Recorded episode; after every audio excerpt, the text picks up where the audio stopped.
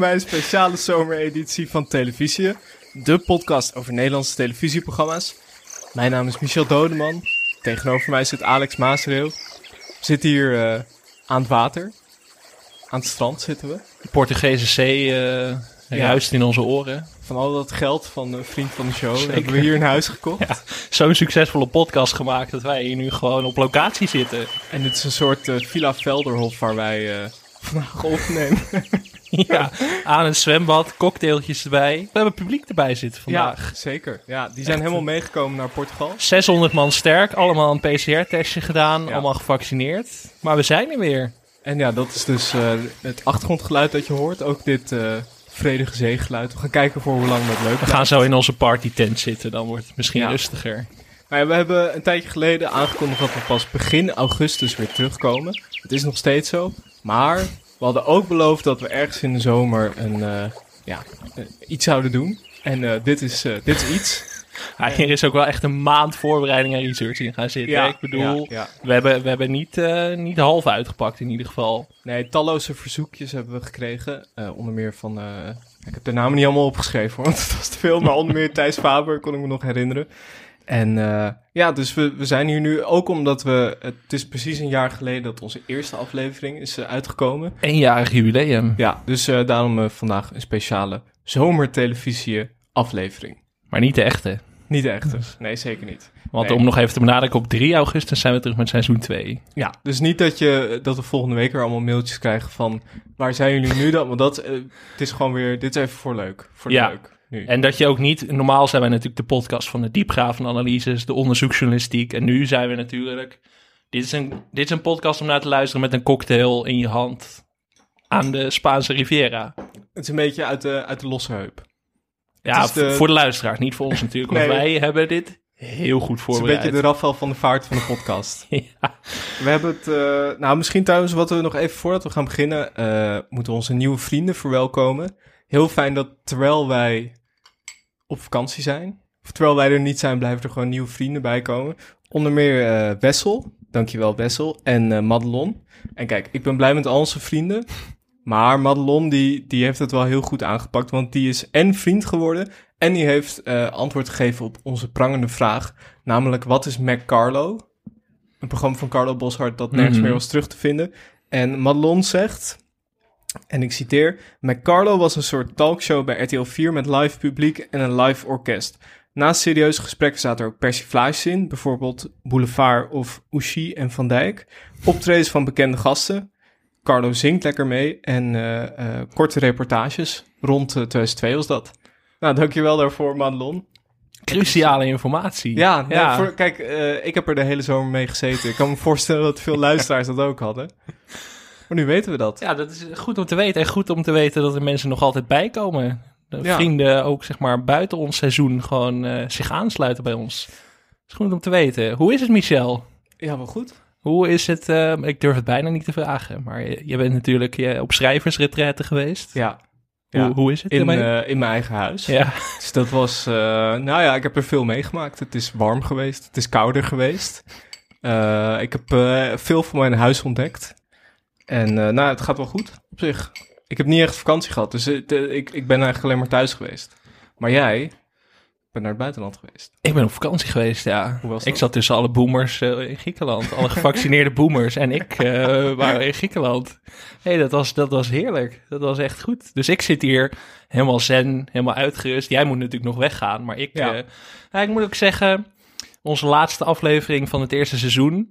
Dat was natuurlijk een van de meest surrealistische dingen die we gemaakt hebben. Want ik zat in de studio, ik had toen een zenuwontsteking. Dat hebben luisteraars hopelijk niet gemerkt, maar ik zat onder twee pakjes paracetamol en een pakje ibuprofen. En jij zat eh, van het huis terwijl je eigenlijk met twintig andere dingen bezig was. Ja.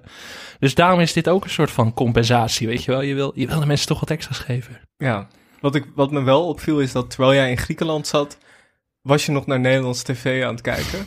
En dat is toch wel, dat is toch wel de toewijding die de mensen van je verwachten. Maar wilde je dat echt zelf of was het ook gewoon een beetje groepsdruk? Nee, dit is gewoon, als je, als je de televisiepodcast van Nederland maakt, dan moet je. Ik bedoel, dan kun je wel zeggen vakantie. Dit is het enige moment waarop je even geen tv mag kijken. Ja, dat kon gewoon niet. Ik bedoel, Ja, je kunt nog naar de Acropolis gaan, je kunt zwemmen in de zee, maar uiteindelijk kan er niks op tegen Joep Schreuder, Harry Mens en uh, Rafael van der Vaart. Ik bedoel, het is gewoon hoe het werkt. Nee.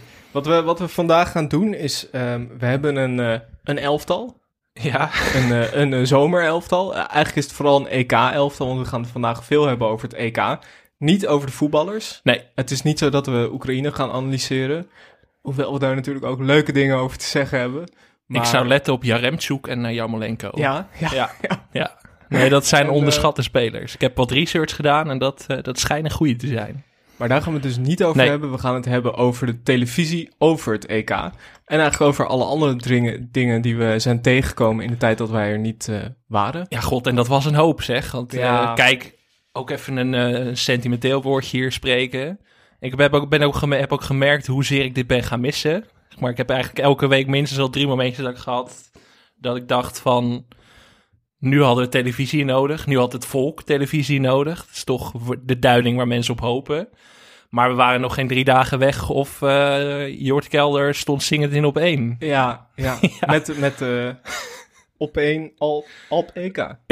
ja, en ja. de cruise. Ja, toen, toen had ik er zoveel spijt van dat wij met zomerstop waren gegaan. Ik bedoel, er waren al mensen die zeiden, komt er een emergency pod? Ja, dat, dat kon gewoon niet, nee, omwille dat... van de tijd, maar...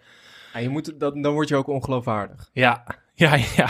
ja, je moet je rust pakken, maar het was wel heel moeilijk. Dus nu, nu gingen we er maar met z'n allen over twitteren. Maar... natuurlijk, wij hebben daar mening over. Ja. Natuurlijk, maar ja, het is toch anders als je dat niet uh, tegen de microfoon kan zeggen. Nee, dat is lullig. En anders zit je op de bank tegen mensen van... Uh, ja, het is gewoon een alpaca bij op één. Ja. En Wolter Kroes die in het oor van de alpaca Vivian Landia aan het zingen is. Maar dat is eigenlijk al nummer één van het elftal. Dus misschien moeten we uh, het daar even over gaan hebben.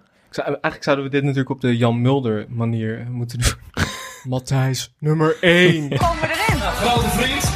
Het hele land oranje. We gaan naar het EK. De spelers staan er klaar voor. Ze komen er weer aan. Het hele huis van links naar rechts. Als er wordt gescoord.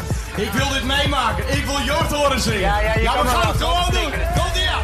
Ja, nee, ja, hey Jort. En we zijn er weer bij.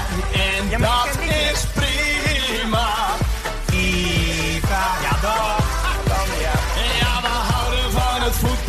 We gaan er tegenaan. Het legioen dat laat de leeuw niet in zijn hempje staan. Ja, kom maar op. Ja, we gaan eens Nou, even Jort, kijken. het De, eens. nee, de, de, de Alpaca gaat nu kiezen. We hebben Nederland en we hebben Oekraïne. Ja, dan moeten we maar eens kijken En we hebben welke hij kiest. En we hebben een gelijkspel. Dus, ehm hoe heet ook? Stelvio. Stelvio gaat het doen. Stelvio, kom maar. Stelvio. Oké, jongens, dat is Oekraïne, toch? Ja, niet, niet, niet voortrekken. En ze mag, hij mag het echt zelf weten. Kom maar. Oh, wat een spanning. Nee, je moet niet zo schreeuwen. Dat kan het beest toch niet? Hier, dit is Oekraïne. Oh. Nou. Nou, ik wordt niet- gelijk ik denk dat er niet Ik, denk, ik weet het niet. Hallo? Hallo, wordt er nog gespeeld? Gaat er... Kom op. Nou, één, twee. Even kijken. Nee, nee, nou Oh, trek je. nee, Nou, ja. nou, Nederland, dat is dit voortrekken, hè? was- Dit was een superleuk idee, Hij ja. moet naar beneden. Ga je nog eh, kiezen? Die octopus was iets eh gezeggelijker, moet ik zeggen. Oké, nee? Oké, we halen Nee, jongens, van het is- een dit is hem dan. Ja, de Alpeka. Dan kan, dan kan het eigenlijk al niet meer stuk, hè, het toernooi. Wie van deze vijf hoofdrolspelers, dus je hebt Jort Kelder, Mhm. je hebt eh Welmoed Welmoed, Wolter Kroes, de alpaca en de begeleider van de alpaca. Wie ben jij? Ja, wie, wie ben jij dit gezelschap? Ja, ik denk Welmoed Seidsma, die ernaast staat te dansen. Ja, dat zijn hele goede moves. Ja, Ik bedoel, de clubs zijn nu weer open, dus dit is ook een beetje hoe ik me dan voortbeweeg. En Welmoed is natuurlijk ook best lang, dus ik, ik voel dat wel, zeg maar. Van Mhm. lange mensen dansen meestal wat slechter natuurlijk. ja. Dus ja, ik zat te denken, maar ook gewoon de begeleider van die alpaca, daar, daar had ik ook wel een zekere band mee of zo. Die stond er een beetje, toch een beetje eh, verwaarloosd bij. Die stond ook tussen, ja, dan sta je tussen Jort Kelder en Wolter Kroes het EK te voorspellen met een alpaca. Ik bedoel, Maar ik, ik vraag me dan ook af, hoe gaat dat? Want, nou ja, diegene wordt dan gebeld. ja, krijgt dan, ik weet niet hoe diegene heet, maar dan krijg je zo'n belletje van eh, Robin. We hebben een, eh, ja, we hebben een, we hebben een klus voor je. Dan is het, oké, eh, is het een kinderboerderij of zo? Nee, het is eh, op één met Jort Kelder.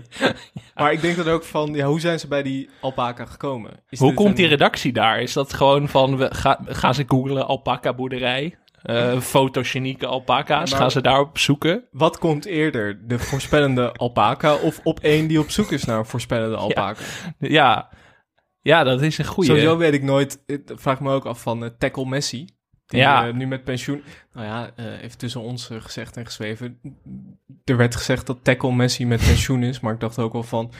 Ik wil hem wel eigenlijk één keer levend zien om Ja. zeker te weten. Dit is een beetje zo'n verhaal dat je ouders vroeger vertelden. Hij heeft een eh, ander huisje in een andere familie gevonden. Dat Ja. hij dan gewoon is doodgereden en in de tuin begraven ligt of Ik zo. dacht, nou, ik wil het wel even uit de, hond- uit de mond van eh, Messi zelf horen. maar is het, niet, zo- is het niet gewoon een soort casting agency voor alpaca's of zo? Dat, is gewoon, Ja, dat zou wel kunnen. Ik denk, volgens mij zijn er wel castingbureaus voor eh, dieren. Dat dit gewoon de Pierre Bokma onder de alpaca's was of zo. Want hij was wel, die alpaca was echt goed. Ja. Heel, heel, en die wilde ook niet. Hij had echt een, echt een character. En dat is toch wat je nodig hebt voor zo'n Ja, talkshow. Een beetje, een beetje stuurs, een beetje tegendraad. Ik had nog één vraag over Volte Cruz. Wat Oh. vond je van eh, versie 8 van Viva Hollandia?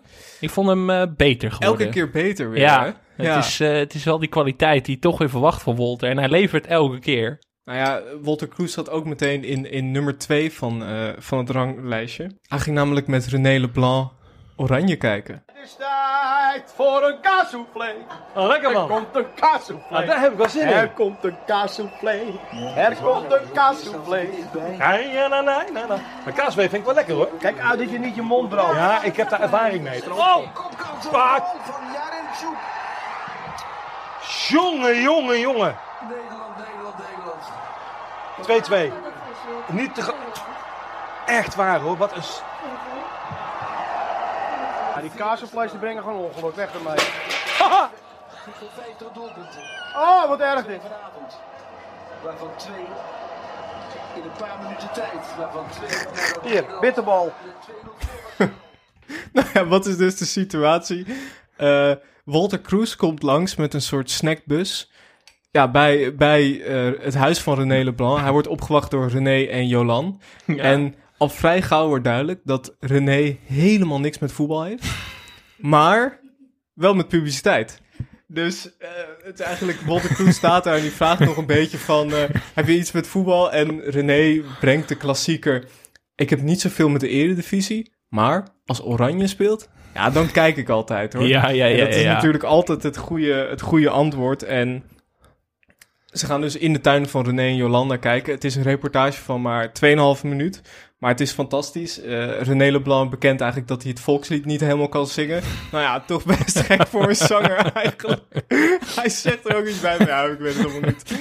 Eh, Walter Cruz die loopt gewoon eigenlijk de hele wedstrijd eh, lang loopt hij heen en weer naar zijn bus met kroketten, bitterballen, patat. Ja, ja, en ja, blijft maar eten, die blijft maar eten. Ja, ja, lekker. En op een gegeven moment eh, ja, komt Walter met een, met een bak kaasvlees. Ja. En dan, dan scoort eh, eh, Oekraïne. En dan flikkert Walter al die kaasvlees de tuin in.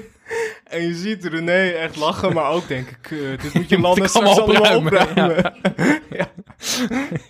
Maar ik vond het wel, ik was blij om hem weer even te zien. Er komt natuurlijk een derde seizoen van Ik geloof in mij. Ook een reden voor een emergency pot eigenlijk natuurlijk. Ja. Maar eh, Ja, voor de mensen die, die het zich afvragen, wij gaan niet weer alles helemaal recappen, want eh nee, we hebben ook gewoon een leven. ja. Ja, toch? Behalve als we er heel veel geld voor krijgen, dan gaan we het misschien doen. Maar ja, misschien één aflevering. over Volte Kroes gesproken trouwens, die had wel een goede zomer. Want hè, Marcel van Roosmalen, die noemde hem ergens bij eh, de Oranje Zomer, noemde hij hem, omschreef hij Volte Kroes als de frikandel met oogjes. En dat sinds ik Volte Kroes kan ik nu niet meer anders zien dan... En dan ja, met die kaasvlees en die snackbus van hem, dat, dat matcht ook wel goed dan. Ja, fantastisch. Walter Cruz. En dan gaan we naar nummer drie. Ja, dit is wel een persoonlijke favoriet. Deze heb ik er eh, ingezet, maar jij wilde hem er natuurlijk ook in.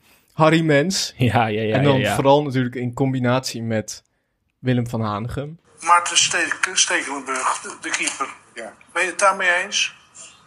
Ja, wij hebben niet zoveel goede keepers. We hebben een hele goede keeper en die- het is toevallig een Feyenoorder. Stekelenburg. Stekelenburg. Nee toch? Ik denk dat... dit- Nou...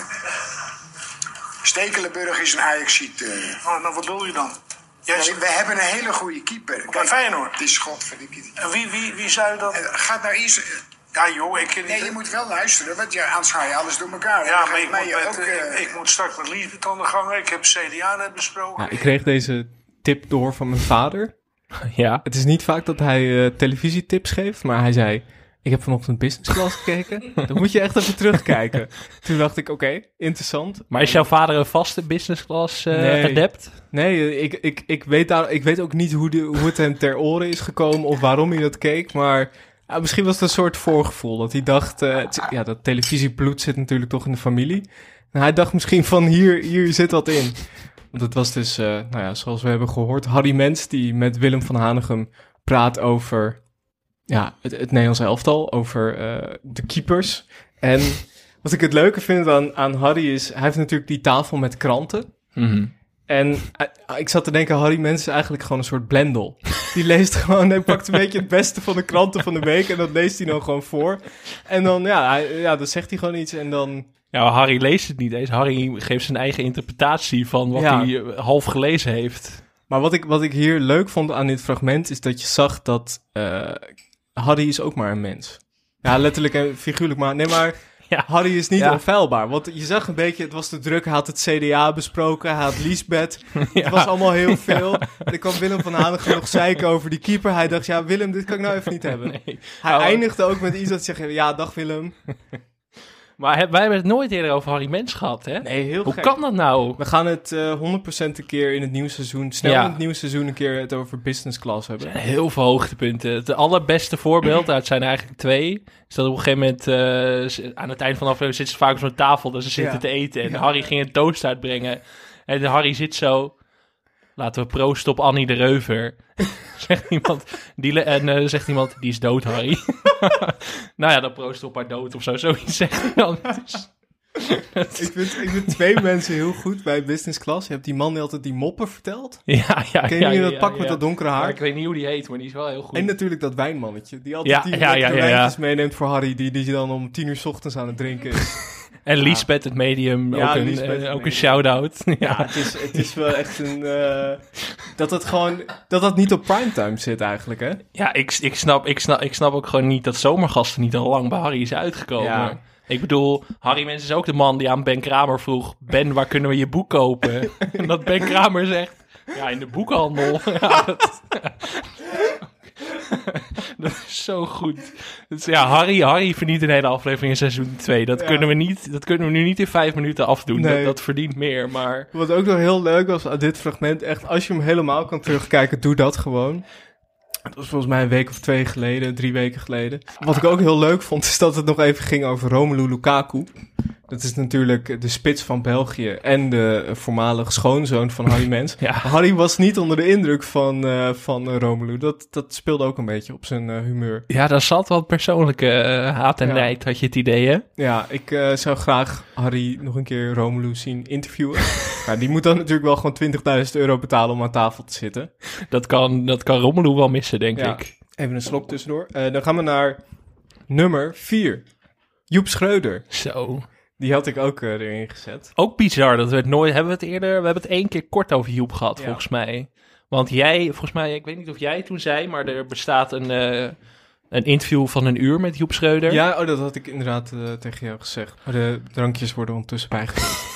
Dankjewel, Celine. Ja. Celine, je mag inbreken hè, als je wil. Als je een vraag hebt. Ja, luisteraarsvragen kunnen natuurlijk met onze 600 man publiek hier. ja, ja. Nou ja, we gaan straks wel even, we gaan straks wel even met de microfoon rond. ja. Ehm, ja, nee, je hebt inderdaad dat, dat interview van een uur met eh, Joep. Die dan...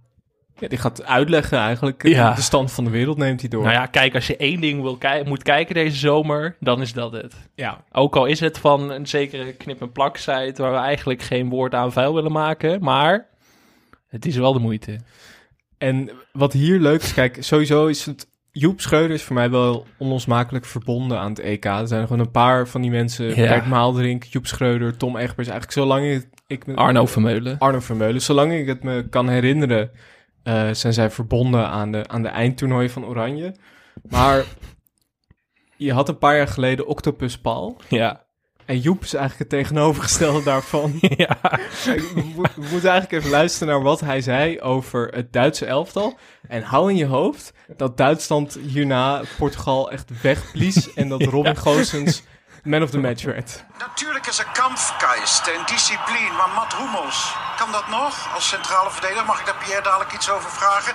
Kroos, ja, dat kan nog. Robin Goosen, dat is geen Philip Laam. Hè? Het is natuurlijk prachtig voor Robin Goosen, ooit Heracles, linksback staan bij de nationaalmanschaft. Maar je merkt toch aan dit soort namen, en ook Thomas Müller die Lewandowski mist... Het is gewoon te weinig kwaliteit. Zeker als je tegen de Portugezen moet voetballen die hetzelfde speelwijze hebben, toch? Als de Fransen. Mats Hummels, kan dat nog? Dat wil ik zo even aan Pierre Ja, vragen. Matt- kan dat zo? Matt Hummels. Matt Hummels. En Robin Goosen. Nou ja, en dan zou je zeggen, kijk, eh, hier kunnen we lacherig over doen. Nee, ik zou niet durven. Maar Joep zit er, ja, hij zat er een keer naast. Ja, Dat kan. dat kan. Je kan één keer miszitten. Je kan er één keer Ja. mis zitten. maar wat gebeurde er nou vorige week? Italië tegen België. Hou even in je hoofd. Italië wint. En dat, dat was terecht, toch? Zeker. Ik bedoel, eh penalty van België vond ik een beetje, een beetje slapjes. Nou, ga- we gaan het niet over Ik mag, voetbal- ik mag niet, voor voetbal moet ik je doorverwijzen naar de AD Voetbalpodcast. Oh ja. nee, eigenlijk al, al onze eh voetbalmeningen die moeten we altijd inderdaad toetsen bij, eh, bij andere podcasts. Daar kunnen Eerst, wij eerst dus- langs Maarten Wijfels, dan mogen Peter Buurman en Jordi Amali er nog een plasje over doen. En dan mogen wij eigenlijk iets, pas iets over voetbal zeggen. Dat Ja. is gewoon hoe het werkt. Ja, dus eh, daar gaan we niks over zeggen. Maar in ieder geval, Italië ging door. Maar dit was het Joep voor de wedstrijd zei. En met de hak over de sloot tegen Oostenrijk. En nu moeten ze echt tegen de nummer 1 van de FIFA World Ranking. Ik begrijp niet zo goed waarom Italië zo groot wordt gemaakt. Misschien omdat het toernooivoetballers zijn. Ja, Ja, twee keer kan ook. Ik bedoel, keer eh, ook, Peter ja. de Vries, wat is het? Eén keer is toeval, twee keer is een incident, maar dan andersom. hij is geen, eh, hij is geen alpaca. Hij is gewoon een sterverslaggever. Het kan dat je er twee keer naast zit. Maar ik vond het wel, eh, ja, ik vond het wel leuk. Dat Joep gewoon eh, heel Europa doorgaat. Maar Verkeerde voorspellingen geeft. Joep is ook steeds meer zijn eigen mening aan het doordrukken, hè? Ja, Dat is ook wel een ontwikkeling van de laatste tijd. Ik vind het, maar ik vind het wel leuk dat de NOS dat gewoon, eh, ja, die, dingen, die dingen blijven gewoon zo. Ja, net als Frank Snoeks, die nog steeds 30 wedstrijden op dit EK doet. Ik bedoel, eh, NOS is daar heel eh, standvastig in. Dat is goed. Dat waardeer ik ook, die standvastigheid. Maar ja, Joep, Joep is eigenlijk natuurlijk al jaren een legende. Ja. Ik kwam trouwens ook weer nog wat anders tegen. Heel goed aan de NOS ook. De NOS heeft op de website een beetje van die profieltjes, weet je wel, van Ja. eh, alle, alle verslaggevers. Ook een aanrader om eens door te spitten. Maar de tekst van Joep is ook heel goed. Joep begint met: Ik ben Joep Schreuder. Ik heb geen enkele journalistieke opleiding gevolgd. Toch werk ik bij NOS Studio Sport. Dat is toch lekker Ja. dat je dat gewoon zegt. Dat je daarmee begint. Ik heb geen enkele journalistieke opleiding gevolgd. Nee, Lekker. nou ja, dat is gewoon zo. Ja, en Joep heeft het ook niet nodig. Dat blijkt elke keer nee, weer. nee, precies. Het is gewoon eh, inspirerend. Ja, gaat Joep ook de finale voorspellen? Nou ja, eh, kijk, ik zou wel zeggen, als je nog wat geld op je Toto-account hebt, hou, even die, hou even die voorspellingen van Joep in de gaten, want dan kan je eens een leuke slag slaan. Als de derde keer misgaat, dan wordt het wel natuurlijk gevaarlijk. Hè? Ja. Dan, eh, maar ja, ik ben ook benieuwd, misschien Joep in de studio. In de Van de Vaartrol. Kan Leuk. natuurlijk ook een keer. Leuk, Dat ja, hij tussen. Tom en Pierre gaat inzitten. Ja, Zie ik ook wel gebeuren. ja, dus Tom en Pierre, daar gaan we het zo nog even Ja, over hebben. zeker. Eerst wil ik het even hebben over Rafael van der Vaart, dat is nummer 5, en de andere oud-internationals. Eigenlijk alle analisten van de NOS. Is natuurlijk echt een, eh een sterrengezelschap. Marco van Basten, Theo Jansen, Ibrahim Afellay, Kenneth Perez. En dus Rafael van der Vaart. Ja. De smaakmaker van het toernooi, al dus eh, op één. Ja, ja, dat was ook goed. Hè? Rafael van der Vaart zat eh, enige tijd geleden bij Op1 om terug te blikken op zijn eigen analyses. Ja, ja. Dat is lekker. Ja, lekker. Er werd dan ook zo'n filmpje ingestart. Ja. Waarin dan eigenlijk, ja, je zag dan zijn ongezouten mening. Maar het was, ja, het was niet zo'n hele bijzondere compilatie of zo. Het was gewoon tien keer een mening van Rafael van der Vaart. Ja. En hij luisterde daar zelf naar. En dacht, ja, dat, dat heb ik inderdaad gezegd. Ja. allemaal.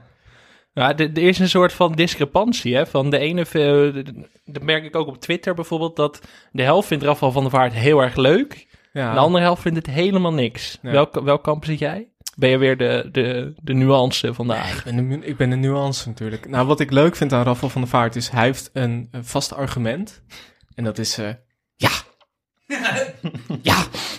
Als, als je gewoon aan Rafael van der Vaart vraagt, gaat Spanje winnen? Ja. Eh, Rafael, eh, wat vind je van Lewandowski? Ja, ja, ja. Dat is gewoon eigenlijk zijn eh, vaste argument. En dat vind ik gewoon goed. Kijk, andere analisten hebben de, die gaan dan uitweiden en lang en lang. Terwijl je hebt maar twee minuten en die rust. Je moet gewoon zeggen, ja. En dan ben je gewoon klaar. En dan weet je ook meteen wat eh Rafael ervan vindt, want je gaat ook niet doorvragen dan. Raffi had ook wel een bliksemstart van dit EK. Hè? Hij zat natuurlijk in de, in de Lidl-reclame. Ja, glorieuze hoofdrol. inmiddels is die er niet meer. Nee. Nee. nee. maar dat is met alle EK-reclames natuurlijk het geval. Ja. Eh, de leeuwendans. De leeuwendans. Leeuwendans, wat was jouw favoriete EK-reclame? Nou, ik vond echt die, zitten. die leeuwendans, eh, die heb ik, nou ja, ik heb die net als alle EK-reclames, heb ik die natuurlijk een stuk of eh, dertig keer gezien. Ik dacht even van, ligt het nou aan mij? Want bol.com heeft altijd best wel, nou ja, wel sterke reclames. Mhm. En ik dacht, eh, ja, ik snap hem niet. Dus toen heb ik het opgezocht en het schijnt dat bol.com kreeg er meer vragen over. En ze hebben zelf eh, ja, een uitleg voor de reclame gedaan. Eh, dit is de uitleg van bol.com. De man in het leeuwenpak vindt het zo leuk om door zijn Belgische buurt te lopen in zijn oranje leeuwenpak dat hij expres zijn pakketjes bij de buren laat bezorgen. Op deze manier kan hij met trots zijn leeuwenpak showen aan al zijn Belgische buren. Jezus. En dan denk je, overkopen jullie dat leeuwenpak dan? Nee. Nee. Nee, gewoon niet.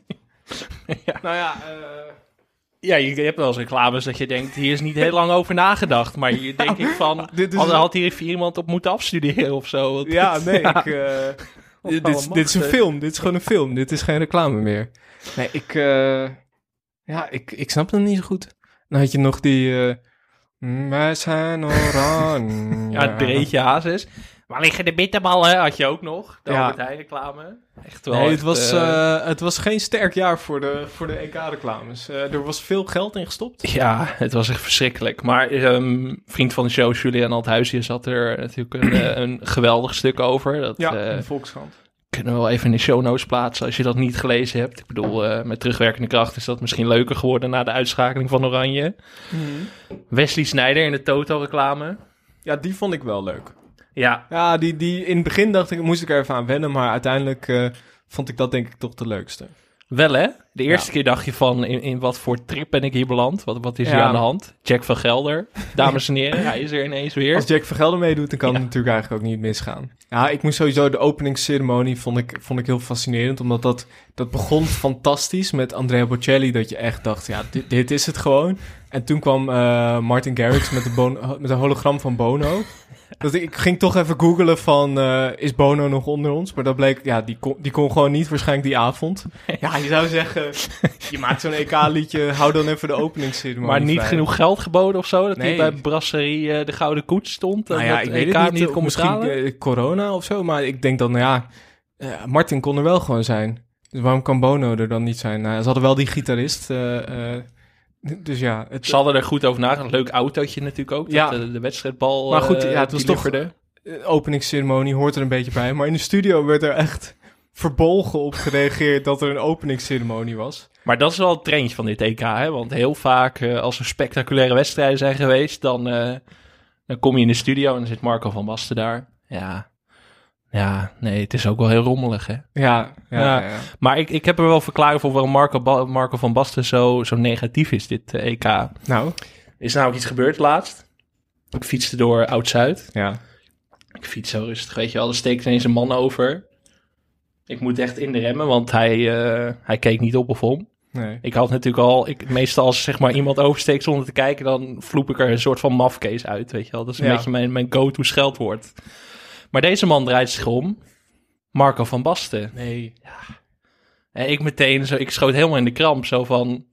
Oh, oh, sorry. Terwijl ik, ik, ik deed eigenlijk niks verkeerd. Hij stak gewoon de weg over. Ja. Maar van was zo... Ah, ah joh, is goed. Zo, zoiets. En toen dacht ik echt van...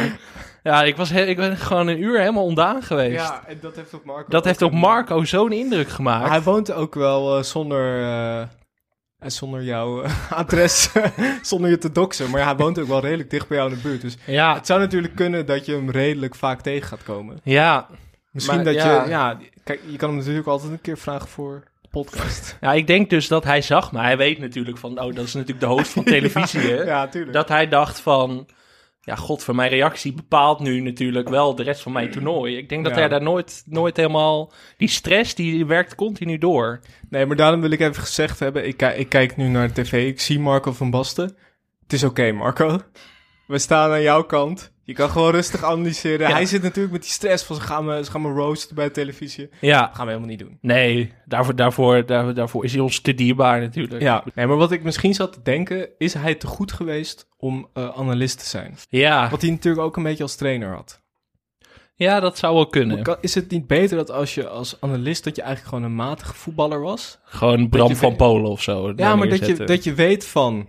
Ja, je, je weet van, het kan slechter dan ik, maar het kan ook een stuk beter. Dus misschien dat je dan wat, terwijl als je Marco van Basten bent, ja, dan kan het bijna alleen maar slechter. Ja, nee, daar zit wel wat in. Maar ik had voor het EK, vond ik Van Basten niet per se een slechte analist of zo. Ik kon hem wel Nee, goed hebben als hij bij Rondo eh, zat. Ik vind, hem, eh, ik vind hem ook heel leuk, maar hij heeft, hij heeft er volgens mij niet zo heel veel zin in. Nee, hij heeft een beetje... Nee, misschien komt het door het weer of zo. Het is... eh, misschien moet iemand daar eens induiken. Ja, wa- waar ik het wel nog even over wil hebben, dit is bij neutrale kijkers ook besproken, maar dit vond ik zo'n, ja, als we het over Rafael van de Vaart hebben, kunnen we dit niet, eh, kunnen we het niet nalaten om dit even te noemen. Rafael van de Vaart, eh, die geroost wordt door Gert van het Hof. ja. Dat was wel een moment, hè. Zullen we daar even naar luisteren? Dat doet met links ook nog eens nu. Ja, DVF eh, is dat. Die eh, tot paar, een paar keer een eh, DVF. Een, eh, een schitterende eh, tackle, inderdaad. Eh, nee, dat weet ik gewoon. Dat weet ik gewoon. Zou je ook eens moeten doen. eh, Ja, dat staat u ook. bijvoorbeeld. Nee. Heel goed. Dat ben ik niet zo van. Ja, dit vond ik, kijk, eh, aan tafel zitten natuurlijk altijd of Sjoerd of eh, Henry. En dan, eh, ja, de een zit, de een zit zeg maar aan tafel met de analist en de ander staat in de, in de tuin. Mhm. Er zit ook een soort, er zit een soort sintelbaan tussen die tuin, tussen die tuin en, dat, en die tafel. Daar Ja, zit, dat is heel goed, ja. ik- ik- volgens mij is er ook gewoon een tijdsverschil tussen. Want er ik, ik snap niet waarom dat niet wat dichter op elkaar zit. Maar goed, eigenlijk denk ik, ja, moet Gert van het Hof niet gewoon aan die tafel zitten? Ja, ben jij team Gert? Ja, ik ben wel tien. Ge- ik, ik denk van als je zo kan, zo durft op te staan tegen Raffel van de Ja. Vaart. ja, je hebt natuurlijk de drie titanen, Gert, Sjoerd en Henry. Maar ik ben ook Ja. wel, na dat ene moment... En hij deed ook de, het voorval met Eriksen natuurlijk. Dat, dat leidde Ja. ook heel erg goed. Dus dat zijn toch twee momenten waarvan ik denk... Gert van het Hof. Nou, kijk, ik vind het lullig voor Henry. Ja. Want Sjoerd is de man tussen het publiek.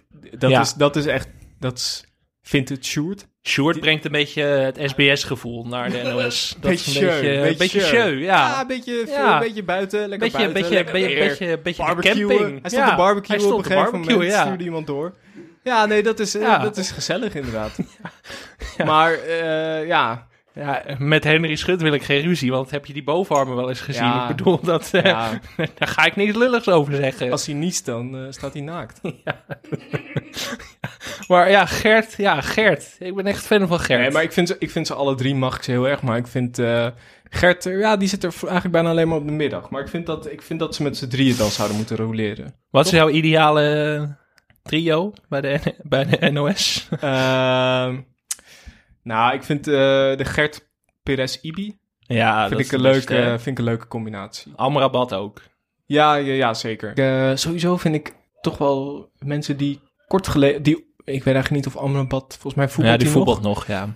Ah, vind ik ook wel leuk. Mensen Ja. die nog voetballen, een beetje... Ik denk dat de leukste combinatie is prestator, iemand die nog voetbalt of nog redelijk jong is, en dan de Nestor ernaast. En Leo Blokhuis. En Leo Blokhuis. Om ja. niet te vergeten. ja. Ja, Leo Blokhuis. Leo Blokhuis. Eh, daar moeten we het ook even over hebben. Ja. Staat die... Die, Die, staat had ik op de de reservebank gezet Oké. met alle EK'ers. Ja. Kunnen we het ook even Super over hebben. sub. Want ik, de reacties... Ik vind eigenlijk het leukste aan de verhalen van Leo Blokhuis... de eh, reacties van de internationals. Mhm. Want sommige, sommige oud-internationals, de analisten... zie je wel redelijk geïnteresseerd kijken. Eh, soms zie je ze ook echt kijken alsof ze denken... Ja, alsof ze water zien branden. Eh, Mark van Basten had dat één keer dat ik... Ik zag een blik in zijn ogen dat ik dacht van... Jezus man, het is... eh, een beetje grimmig hier. ja. ja, misschien vechten in de studio om de Ja. kijkcijfers op te krikken. Ja, dat zou leuk Mijn zijn. favoriete moment was, was dat hij het ging hebben over Will Gig. hij, bedoelde, hij bedoelde Will Grigg. Ja. Maar, en Henry maakte dus meteen een soort van geluidje, want die dacht, dat herken ik. En dat hebben ze in 2016, hebben ze dat natuurlijk gewoon vaak besproken, Mhm. want het is vrij recent. Dus eigenlijk zat je daar met allemaal mensen die zich dit nog heel goed konden herinneren.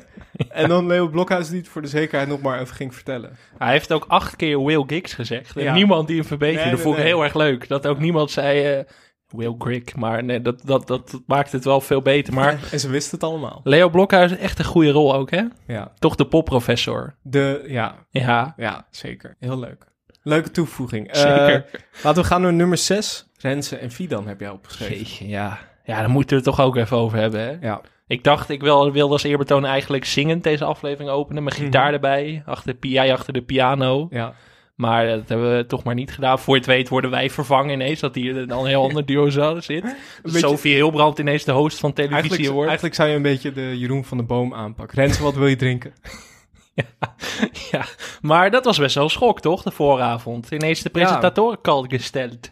Ja, het, eh, nee, ik had het niet echt zien aankomen. Ik moet zeggen, we doen altijd een beetje lacherig over, eh, over de talkshows, maar ik vond de vooravond toch, ik, ik weet niet zo goed, ja, zeg maar, ik snap misschien dat je iets compleet anders wilt, maar wat ze nu gaan doen is niet compleet anders, toch? Dat is gewoon hetzelfde met andere, met andere mensen. Dus ik snap niet zo goed wat daar het idee achter is. Nee, en de reacties waren natuurlijk ook niet, eh, niet mals. Frits Spits, eh, het was dat hij op vakantie was, anders had hij een staking eh, gedaan bij zijn radioprogramma, Ja. zei hij.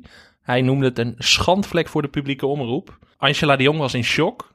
Ja. En eh, Nou, Bert eh, van Leeuwen zei, wat een slangenkuil is het toch. Nou, als Bert van Leeuwen dat soort termen gaat gebruiken, dan weet je dat, de dat je als NPO echt, echt verkeerd bezig bent. Kunnen we, kunnen we heel even op, bij Bert van Leeuwen blijven hangen? Want ik heb dus een fragment gevonden. Ik heb het deze week ook op ons Twitter-account gezet. Maar eh, ja, voor de mensen die dat niet gezien hebben, die moeten het maar even opzoeken. Het kwam uit een, een aflevering van het familiediner uit 2018. En daarin ging Bert van Leeuwen verkleed als Zorro.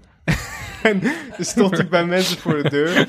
Dat ging volgens mij, ja, ik heb het niet helemaal, ja, ik ben natuurlijk meteen naar dat Zorro-gedeelte, dus ik heb het niet helemaal, je moet hem eigenlijk ook zonder context zien. Ja. Volgens mij was het idee dat de zoon eh, vroeger vaak een Zorro-pak droeg en het ging over een moeder en een zoon die eh gebrouilleerd waren. En eh, Bert staat dus in Zorro-pak bij een vrouw voor de deur. En die vrouw heeft natuurlijk geen idee wat er aan de hand is. En ik wil eigenlijk de deur meteen Ja, dicht doen. dat is op zich geen hele rare Ja. reflex natuurlijk. En dan zegt hij, ho, ho, ik, ik ga me bekend maken. En dan, dan doet hij dat Zorro-masker af en tegelijkertijd roept die vrouw naar haar man, Ger. Ja, dat, dat vond ik... Ze dacht voor altijd... Maar ik dacht, je gaat toch niet in zo'n Zorro-pak? Zie je, Als je niet weet dat Bert van Leeuwen is, dan schrik je je toch rot. Stel je dat je een wat oudere vrouw bent. Er staat opeens een man in zo'n... Met een masker in een donker pak met een camera. Nou zou ik bij elke man die in Zorro, als Zorro voor mijn deur staat, zou ik denken, hm, dit is vrij gek. Maar Ja. helemaal als Bert van Leeuwen is, zou ik helemaal denken, wat Ja. is hier aan de hand? Ja, ja, het, ook vooral omdat hij, hij deed ook dat pak niet aan, zeg maar, op het moment dat hij voor de deur stond. Maar hij had het gewoon in de Hij auto zat in de auto al zo, was hè? toen al de situatie aan het uitleggen. Ehm, Maar ja, de vooravond Oh, ja, eh, de krijgt dus een andere invulling. Ja, Ehm, ja, directeur content van de NPO zei, eh talkshow mist de urgentie. Dit Ja. was vrij ongelukkige timing, want dit nieuws werd een Ja, paar uur bekend ja. voordat de alpaca van Jort eh zijn eh, plasje deed over Nederland-Oekraïne. En Walter Kroes natuurlijk in de studio aan het zingen was. Ja, dat was vergeten. allemaal, en het was ook wel urgent. Ik bedoel dat, eh, maar ja, Galit Kassem en Sophie Hilbrand gaan het een opvolging doen. Ik ben benieuwd, maar ik, ik weet niet zo goed wat ik... Ja, ik, ik zou zeggen, je wil meer urgentie. Kan dat niet met dezelfde presentatoren? Maar Ja, dat ook, maar ook gewoon, ja, die Galit Kassem heeft dan meegedaan aan De Slimste Mens. Ja, nee, er wordt, er wordt Ja. gezegd dat het een heel groot presentatietalent is. Dus eh, laten we dat vooral, eh, Ja, maar vooral het, zien. het Maar is ik- zo apart hoe dat gaat bij de NPO. Dat er is het zo van, je bent één keer leuk op tv en je krijgt een eigen talkshow. Maar ik ben heel benieuwd wat het gaat worden. ik, eh, je bent sceptisch, Nee, Alex. ik- Kritische nee, bui. Ja, kri- kritische bui. Scherp, Even een bent- kritisch nootje kraken zo halverwege. hè? een maand thuis gezeten. Dat, Ja, eh, ik, ben, ik ben messcherp, hè? het is niet mals. Die ook messcherp is. Dit is een goed brugje naar nummer 7, denk Nummer ik. 7, Ja, Tom Egbers. ja. Dit fragment kregen we doorgestuurd van eh eh, grote vriend van de show, Stuimig Weertje. Die ons wel vaak goede tips geeft. En ja, dit was ook weer een fragment bij Studio Europa. Sowieso vind ik de hele... Bij het Nederlands elftal vind ik... Ik vind, vond, moet ik zeggen, eh, de opstelling heel leuk. Want je hebt dus de, de, de studio met Henry en Sjoerd. Dan zou je zeggen, nou, twee presentatoren sterk. Eh, je hebt het publiek erbij. Je hebt de analisten. Dat is niet mis. Dan is er ook nog eh, Tom Egbers die in, de, ja, in het stadion zit met Raffel van der Vaart en Pierre van Ja. Hooydonk. Dan is er ook nog Jeroen Stekelenburg in het stadion. En dan is er ook nog een commentator. Dus dan heb je eigenlijk gewoon vijf eh, NOS-titanen die op één avond aan het werk zijn en die continu soort van combinaties aan het aangaan zijn. En eh, dat vond ik sowieso heel leuk. Maar dit, ja, de, de combinatie Egbers van Hooijdonk van de Vaart is eh, redelijk iconisch. En laten we eerst even gaan luisteren naar dit fragment. Die Nederland tegen Tsjechië gespeeld heeft, is dit de vierde rode kaart. In 1976, in die beruchte wedstrijd tegen de Tsjechoslowaken nog, waren het Neeskens en Van Hanegem. In 2004 was het Paul Bosveld. Uh, sorry, was het uh, Johnny Heitinga. En nu dus Matthijs de Ligt. Is gek. Is gek. Nou, nee. Jawel, vind ik wel gek. Zijn statistieken, Tom. Ja. Ik bedoel, uh, dit, dit, is toch een terechte... Ik, weet niet, ik kan me die andere kaarten niet meer herinneren, maar ja. dit is toch een terechte rode kaart. Ja, toch? Ja. Ik vind het opvallend dat, uh, dat het. Ik, ik vind het net zo opvallend als, als dat er ook nu tegen Tsjechië een hele markante wissel uh, plaatsvindt. Nou, daarvoor verantwoordelijk is de bondcoach en die staat nu klaar bij Jeroen Stekelenburg. Ja, zijn uh, Jeroen statistieken, Tom. Ja, nou, ik, ik vind Tom echt weer zo'n fascinerend mysterie. Want Tom is een, echt een weergaloze verteller. Als hij bij de Wilde ja. Door zat vroeger, maar bij dat Engeland-programma wat hij een tijdje geleden voor de NPO heeft gemaakt. Of uh, NOS voetbalpodcast ja, zat hij dan vaak rond het Nederlands elftal. Echt uh, fantastisch om naar te luisteren. Maar als Tom moet presenteren, dan is het altijd zo alsof, er, alsof hij in de kramp schiet of zo. Dat is een beetje altijd het idee. Ja. Ik, ik heb ook niet het idee dat hij dit het leukste vindt of zo. Nee, ik kan, dat niet, ook. uh, ik kan natuurlijk niet... Uh, ik zit nu de hele tijd voor mensen in te vullen wat ze wel niet leuk vinden. Ja, misschien vinden Marco van Basten en Tom Egbers dit allebei heel leuk. Uh, dat kan, maar inderdaad, het is... eh, ja, maar het is gewoon zo grappig. De, het zit een beetje bij de oude internationals. Ik, uh, niet allemaal, ik wil niet generaliseren. Gezondheid. Dank je. Uh, zit een beetje... zit een ben, beetje ik ben geprikt, hè? zit een beetje onwil. Uh, zit een beetje, zijn een beetje defensief Ja, allemaal. ze pesten Tom ook vaak, hè? Van de Vaart en van Hoordonk. Het is wel een beetje die twee populaire klasgenoten... die dan hun, uh, hun iets te lieve klasgenoten aanvallen. Maar ik vond echt dit... Dat is gek. Nee, zeg gewoon uh, statistieken, Tom. dat vind ik echt heel leuk. ja, ja, het is... Uh... Ja, god. Wat moet je er verder nog over zeggen? Ja, maar dan te bedenken dat dit bij Studio Voetbal tot voor kort elke week zo ging. Ja. Uh, op nummer 8 heb jij uh, John de Mol staan. En ik weet niet waarom. Nou ja, we hebben het allergrootste oh, nieuws natuurlijk nog helemaal niet ja. besproken. We krijgen straks RLB 4, RLB 5 en RLB 6. Ja. Ja. Ja. Ja. we gaan naar een René Leblanc wereld. Ja. De fusie tussen RTL en SBS 6. Hij is nog niet goedgekeurd, maar dat, uh, dat nieuws werd bekend. Mhm. Mm -hmm. John de Mol uh, met zijn talpa gaat samen met RTL. Dus we krijgen straks... Uh, je hebt aan de ene kant de publieke omroep en aan de andere kant de commerciële. Het, is, uh, het wordt ja. overzichtelijker. Het wordt een slagveld.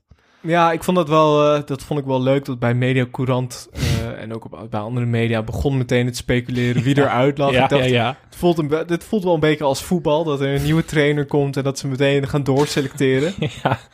Uh, maar ja, ik, ik, uh, ik ben benieuwd wat dit uh, gaat betekenen. Ik ben toch wel een beetje bang. Kijk, ik ben blij met ons aanbod zoals we het hebben.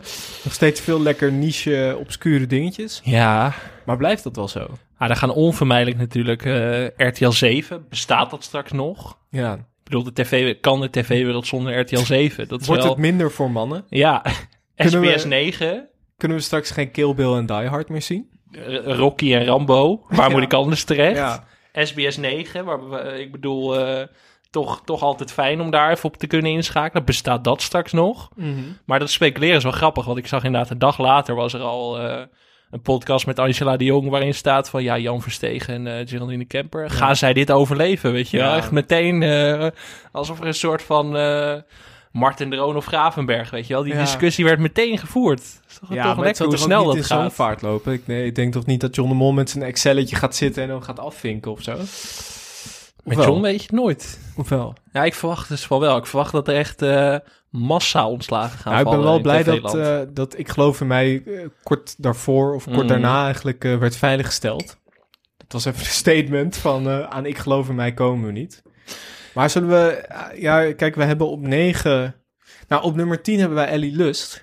Moeten we daar misschien maar even meteen naartoe in het kader van Ja. Eh, parels op de ja, ik televisie. had Ellie als onze nummer 10, omdat het toch een beetje de sierlijke Spelmaker. spelmaker, spelmaker is Ja. die je nodig hebt in je elftal. Mhm. Ehm, we werden hier ook op geattendeerd, volgens mij ook door Stuimengeweertje weer. Ja, ik had hem zelf, moet ik zeggen, ook wel op de radar. Ja. Uh, dit is namelijk, ja, Ellie Lust heeft een, een nieuw programma, of tenminste, het is eigenlijk een paar uh, ja, crime-kenners hebben een nieuw programma. Het heet 112 Vandaag. Ja. Het is een uh, programma waarin de, de 112-belletjes van de dag worden doorgenomen, de, de belangrijkste eigenlijk. En misschien moeten we daar eventjes ja, laten we, laten we er even naar gaan luisteren naar het intro. Dit is van 30 juni uh, 2021. Even luisteren. Elke dag wordt alarmnummer 112 duizenden keren gebeld. Hier zie je de belangrijkste meldingen van woensdag 30 juni. In Kuik wordt een auto doorboord met houten balken. Automobilist en bijrijder vluchten weg. Populaire viskraam in Apeldoorn is noodgedwongen dicht na brand.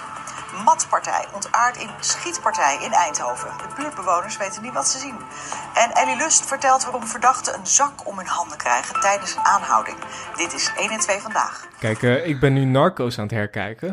maar dat valt natuurlijk in het niet bij wat je allemaal ziet bij 1 en 2 vandaag. Ik, uh, oh, het is 9 een... plus, maar ik zou, er, ik zou er 18 plus van maken. Wat een goed programma. Ja. Je hoorde het net al, dat item over de doorboorde auto met de houten balken. Ja, dat was zo goed. Ja. Simon Zeilemans, die ja, vroeger die verslaggever was bij uh, Voetbal Insight, volgens mij, bij mm -hmm. de Europa League wedstrijden. Ja. Die doet nu dit.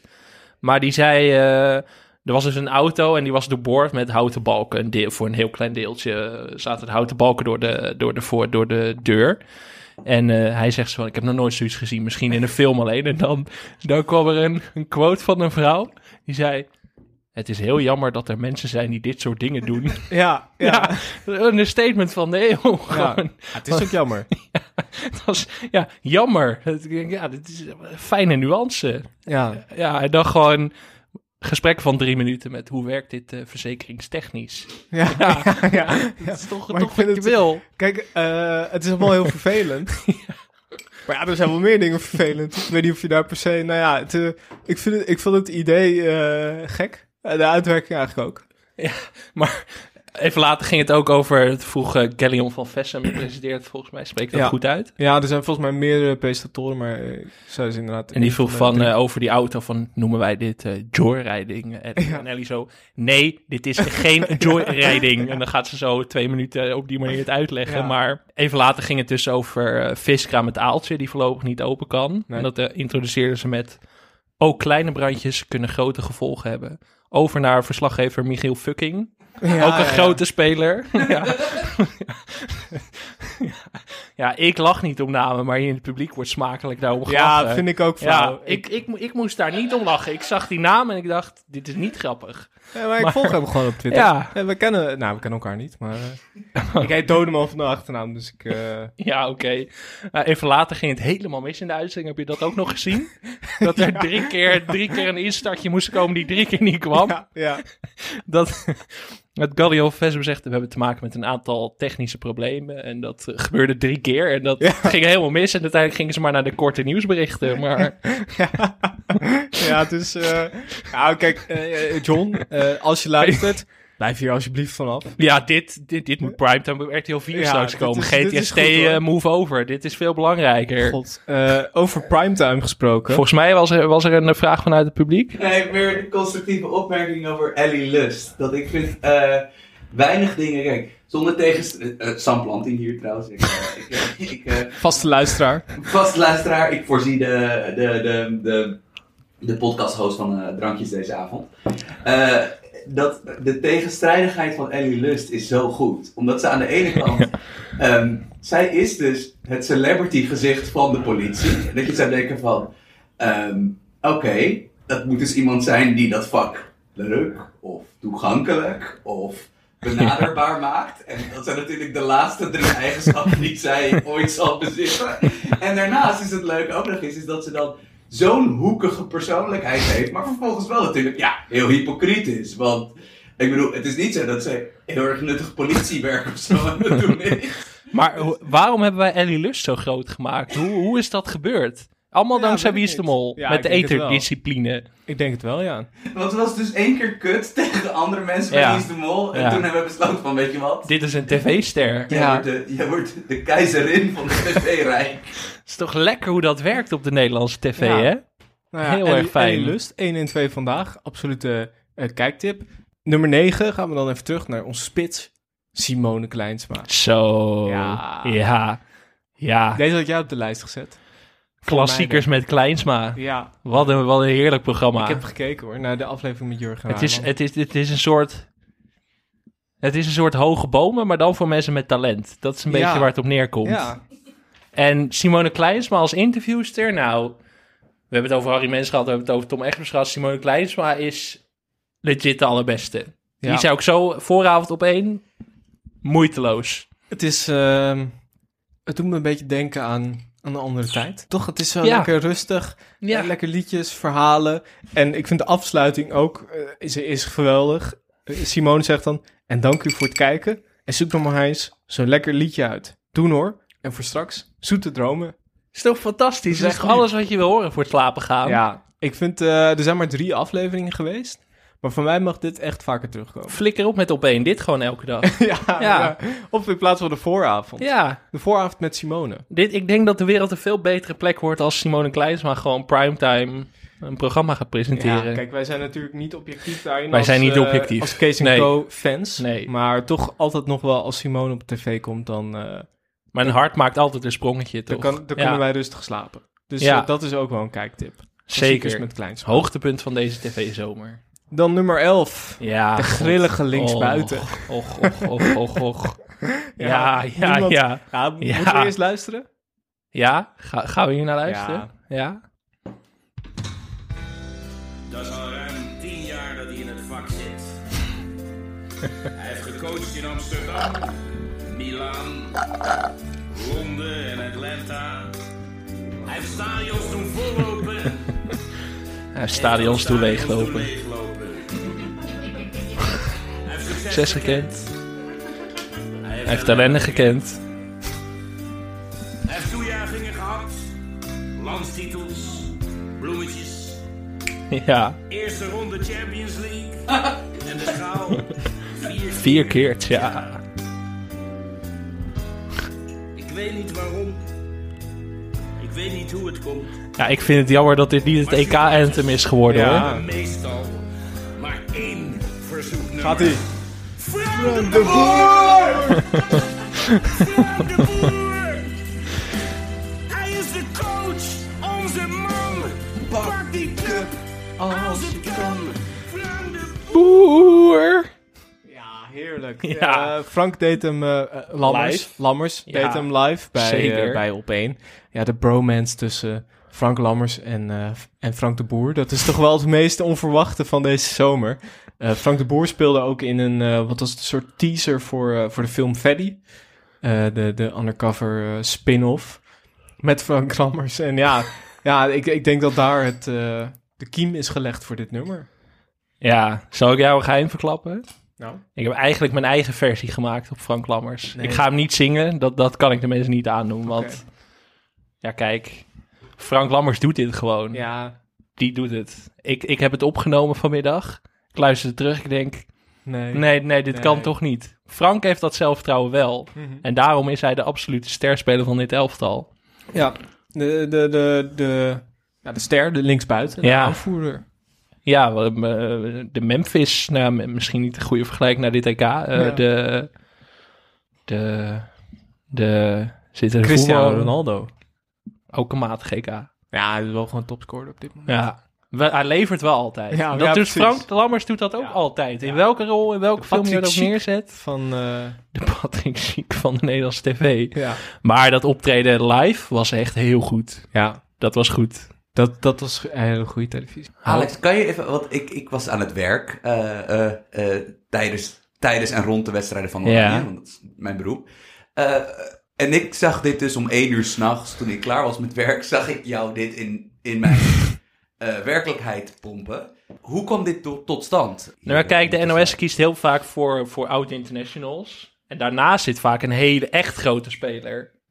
Dat er gewoon eh, Frans-Duits, snelle Calvijn Ja. of Frank Lammers zit. En die Ja. zorgt voor een beetje entertainment aan het eind van de aflevering. En daar was Frank Lammers ook voor. En Frank Lammers is ook gewoon een voetbalkenner. Nee, nee, nee. Ja, maar dat er een, een, een non-voetbaltype in de studio zit, oké. maar hoe zijn we gekomen totdat dit lied werd ingestart? Het is een nummer één uitgevoerd? hit geweest. Ja, nummer 1 Ja, dit op moet je niet onderschatten. Dit is gewoon een, een knijter van een hit geweest.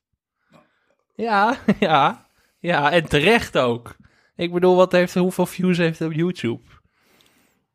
Ga ik nu live opzoeken. Eh, gewoon 400.000 keer bekeken op YouTube. Ja. Holy shit. Ik En bedoel, dan ik moet je de Spotify streams nog bij Het zijn niet de luistercijfers van televisie, daar zitten nog Nee. net wat onder. Maar ik bedoel, het komt wel in de buurt. Het is leuk. Dat, dat wil wat zeggen. Ja, en Ja. ik bedoel, eh, de, de leeuwendans was ook eh, populair, maar... eh, nou, oké, die was wel iets populairder. Maar, maar, maar ja, dat is natuurlijk anders. Dit is, dit is voor de... Ja, voor de mensen die houden van Brel en eh, Piaf. De, de, Frank Lammers is ook chansonnier natuurlijk. Ja, precies. Jongens, eerste ronde Champions League. Ja, eerste ronde Ja. Champions League. Vier keer die schaal. Later Ja. in het liedje komen ook nog de, de, de poëtische zinnen. Hij heeft een caravan en ook een assistent. De een staat op Garderen, de ander is een vent. Ja, Ja, je ja, moet het maar kunnen bedenken. Ja, leuk. Het is, het is hogere wiskunde, maar Frank Lammers de absolute ster van dit EK. Ehm, elk elftal heeft natuurlijk een coach. Ja.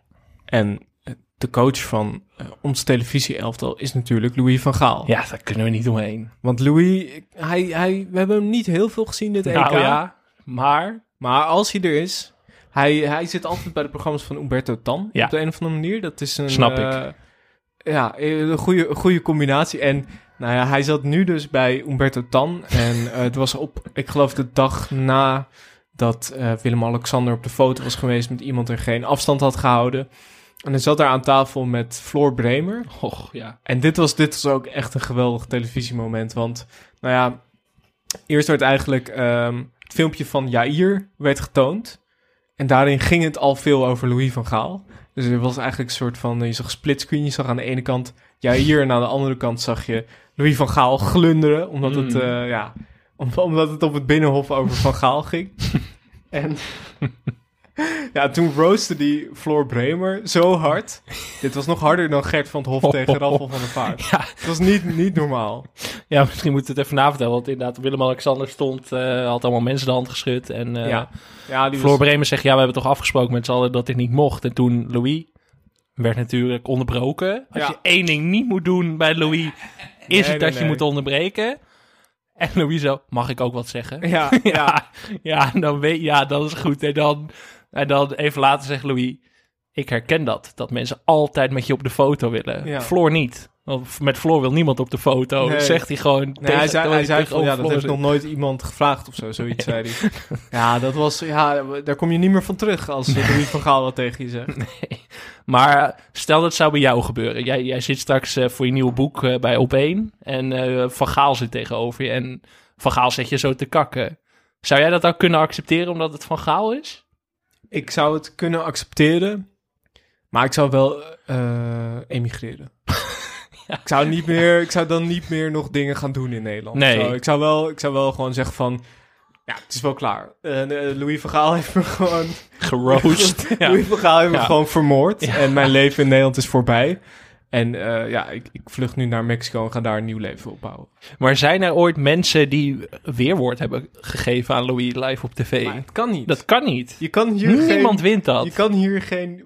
Je kan hier geen goede reactie, want het is waar. Ja, Je weet ja, het is ook zo. Je kan, ja. Ja. Wat ga je zeggen van, eh, nou, ik denk dat eh, mensen vaker aan mij een foto hebben Ik was gevraagd. vorige, vorige week in Geelserijen en toen was er toch wel één iemand die met mij op de foto ja, het wilde. is gewoon, ja. elke reactie die je hierop verzint, wordt meteen een soort of een jijbak, of het wordt meteen, nee.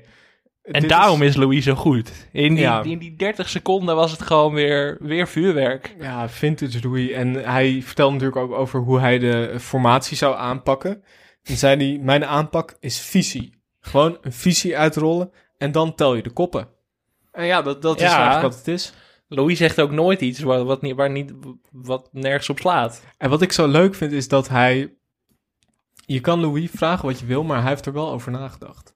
Ja. Je zou nooit eens eh, iets aan hem vragen dat iets zegt van... "Pff, nou, eh, sla mij maar even over, want ik weet het niet.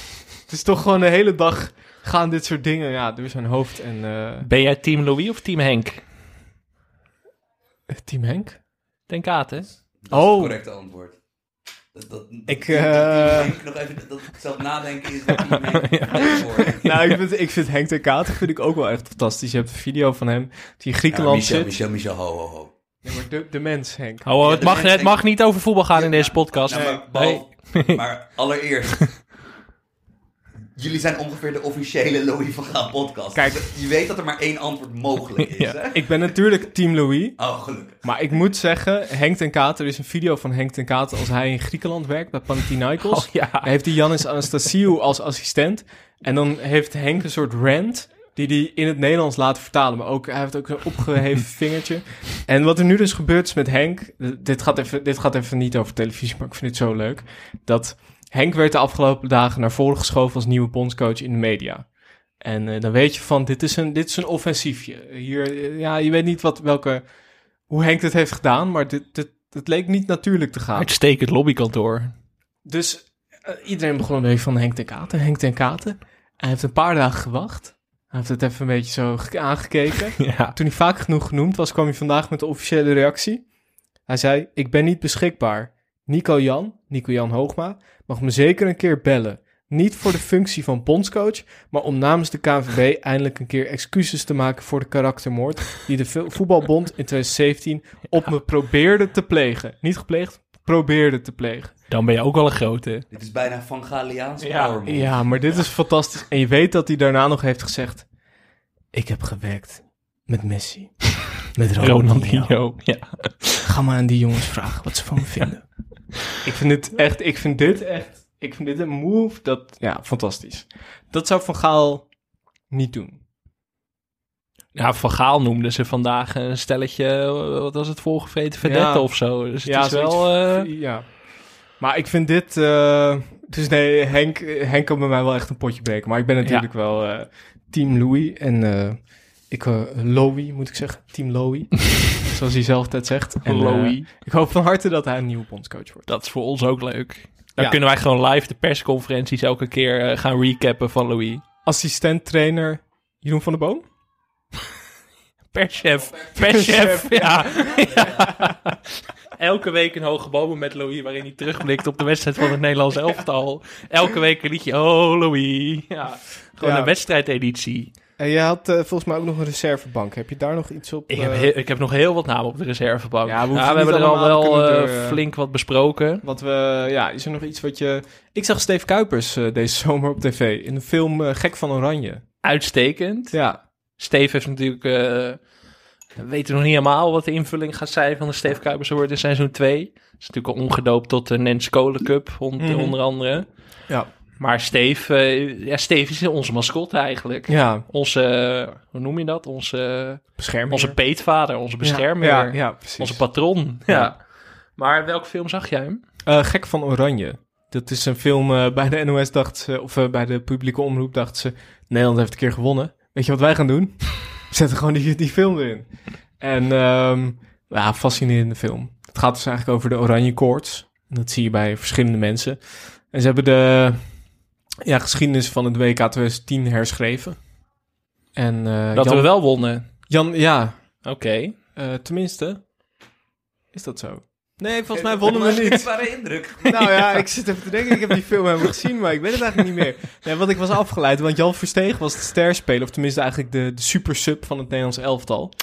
Dus eh, de, eh, daar, daardoor was ik een beetje afgeleid. En fantastische rol van Tom Caswell.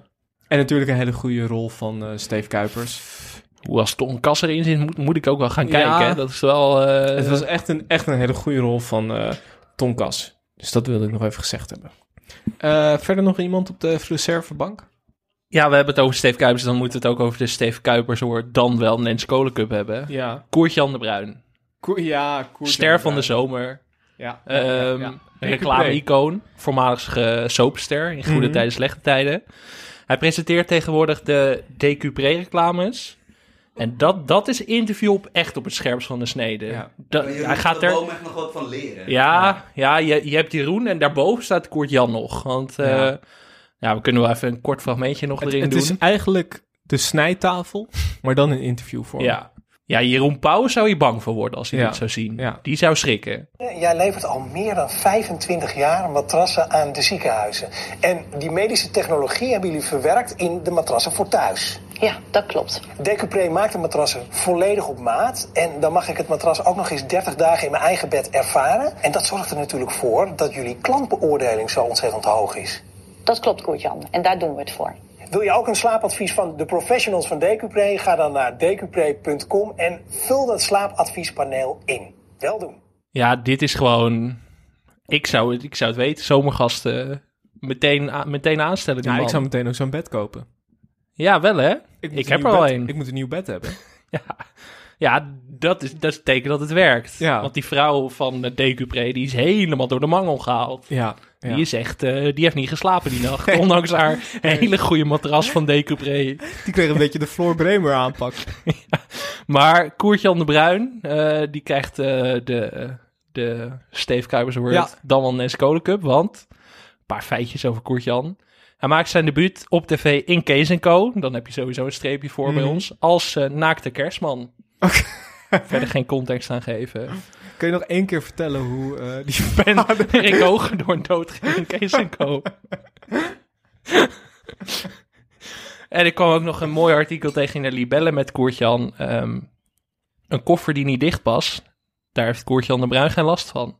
De voormalige GTST-acteur brengt zijn zomers het liefst door op een Franse naturistencamping. Oh, Koertjan is van Venemarkt thuis. Leuk. Kort Jan vooral het, het kleren uitdoen. Dat is een... Ja, want, ik bedoel, het is eh, fijn dat ze die reclame toch een beetje tot anderhalve minuut hebben beperkt. want- Ja.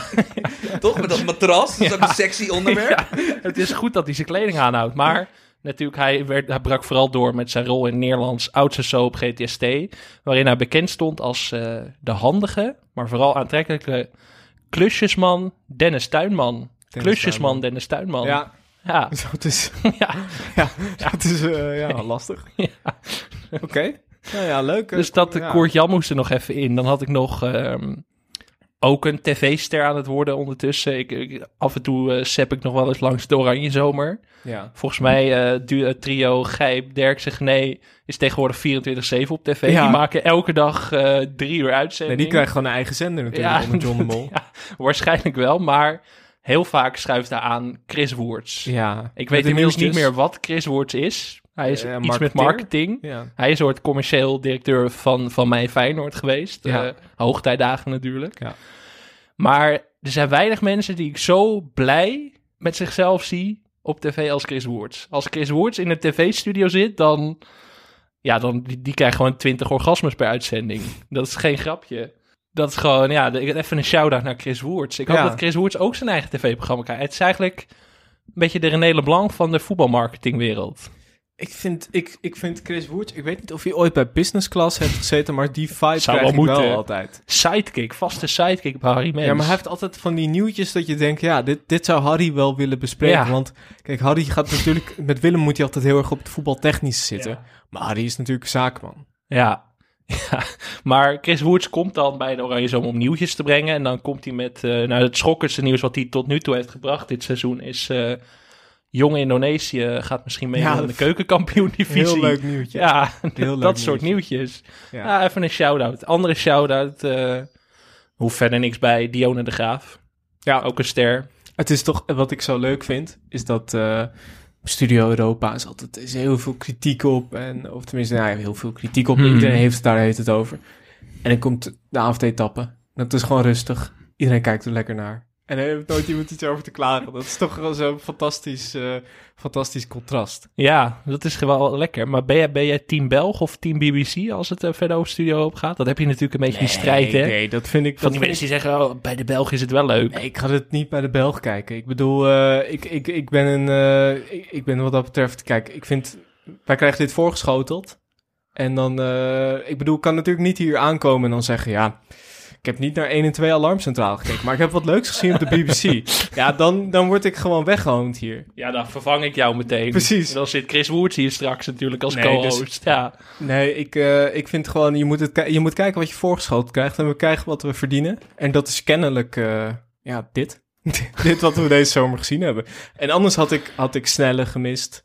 Had ik... eh, Frank Lammers. Frank Lammers Calvijn. gemist. Calvijn met Raffel van de Vaart. Calvijn die aan Jongens, wat is Calvijn en wat, wat, gebeurt Wat, hier? wat is een Calvijn? Eh, Calvijn is een, eh, eh, volgens mij een vlogger. En hij, hij heeft ook een talkshow gehad bij eh, NPO 3. Maar ik vond dat moment dat Calvijn aan Raffel van de Vaart vroeg... wat moet ik invullen bij mijn poeltje? Bij, volgens Ja. mij was het Spanje tegen Polen of zo. Hmm. En dat was dus zo'n moment dat Van de Vaart reageerde met... Ja! Ga mij vragen wat je moet invullen? Ja, Spanje natuurlijk. Ik heb nog twee, twee of één naam eigenlijk. Kijk, we zitten natuurlijk, we gaan richting de, de slutty summer.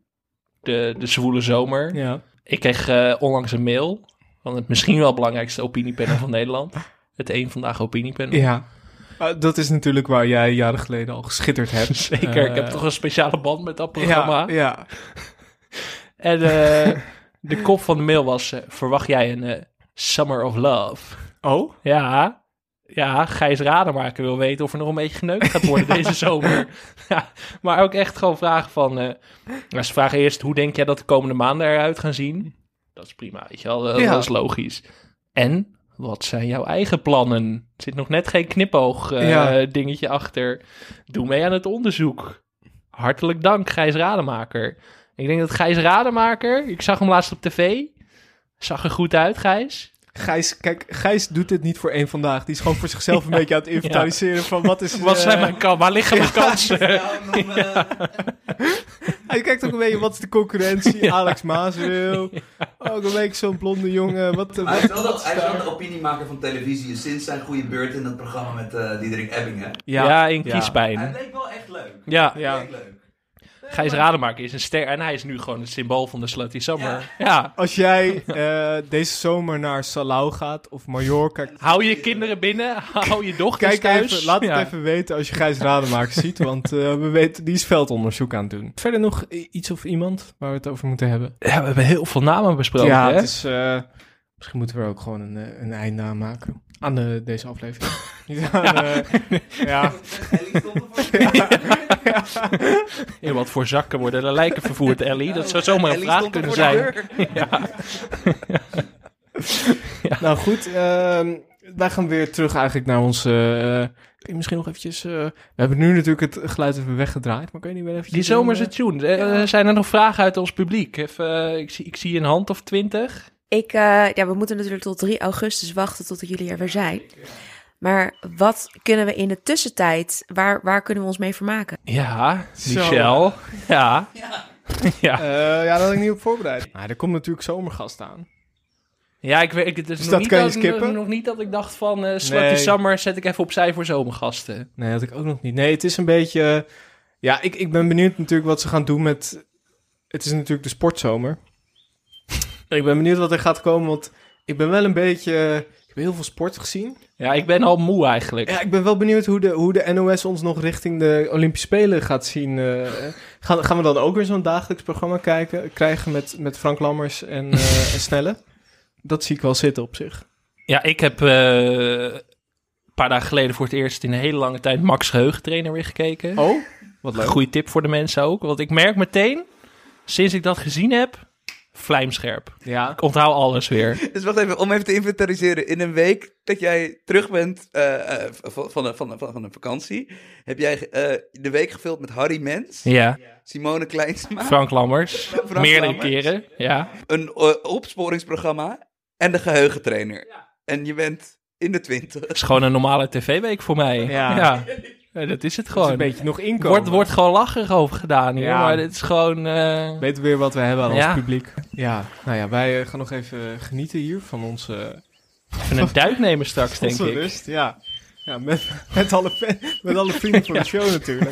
Over Slutty Summers gesproken. Volgens mij zie ik eh, Gijs Rademaker daar lopen in de branding. Gijs! Gijs! Ja. Nou. Nog een maandje. Ja. Duurt wel lang. Ja, nou, ik ga lekker op vakantie tussendoor, dus... eh, Ik eh, ga denk ik tv kijken. Heel goed, heel goed. Vond je deze podcast leuk? Laat dan een recensie achter op iTunes. Je kan ook vriend van de show worden. Dat kan op vriendvandeshow.nl slash televisiepodcast. Of stuur eens een bericht op Twitter of Instagram, at televisiepod. Of mail ons op televisiepodcast.gmail.com. Veel dank aan Dag en Nacht Media, aan Studio Cloak voor tune en aan Weits Valkma voor de illustratie. En natuurlijk veel dank aan eh eh, Gijs Rademakers en ons publiek.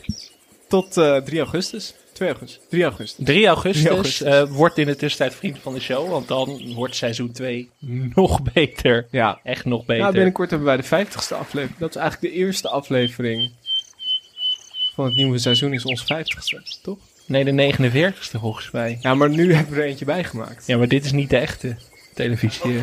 Ja, Ja, dit wordt, dit wordt, ja, misschien, Ja, ja. misschien dat we wel de 50ste als aftrap daar, moet- daar gaan we nog even over. Maar ja. dan hebben we ook meteen wel Gerard Joling nodig of zo. Ja. We zitten mensen nu warm te maken en dan komen we straks met... eh, Harry Mens. Harry Mens, Ja, maar ja. dan moeten we betalen.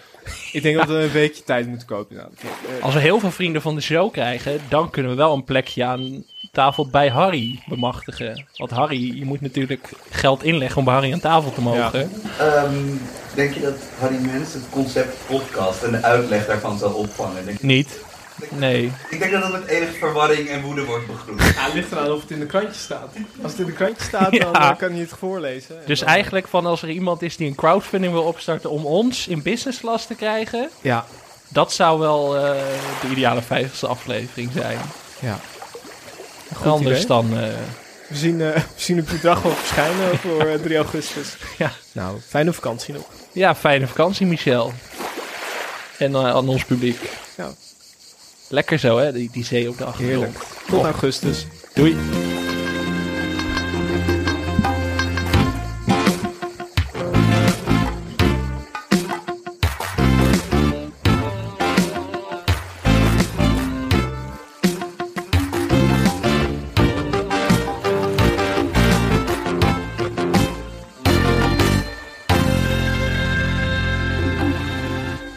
Wacht, moeten we niet nog even een eh, sentimenteel woordje doen? We bestaan een jaar, hè? Ja, we Echt een officieel jaar. een jaar vandaag. Ja, eh, dus eh, nou, bedankt allemaal voor het luisteren. En, eh, Heel enthousiast. wil jij nog iets zeggen? Nee hoor, dit, dit was al meer dan eh, waar ik op hoopte.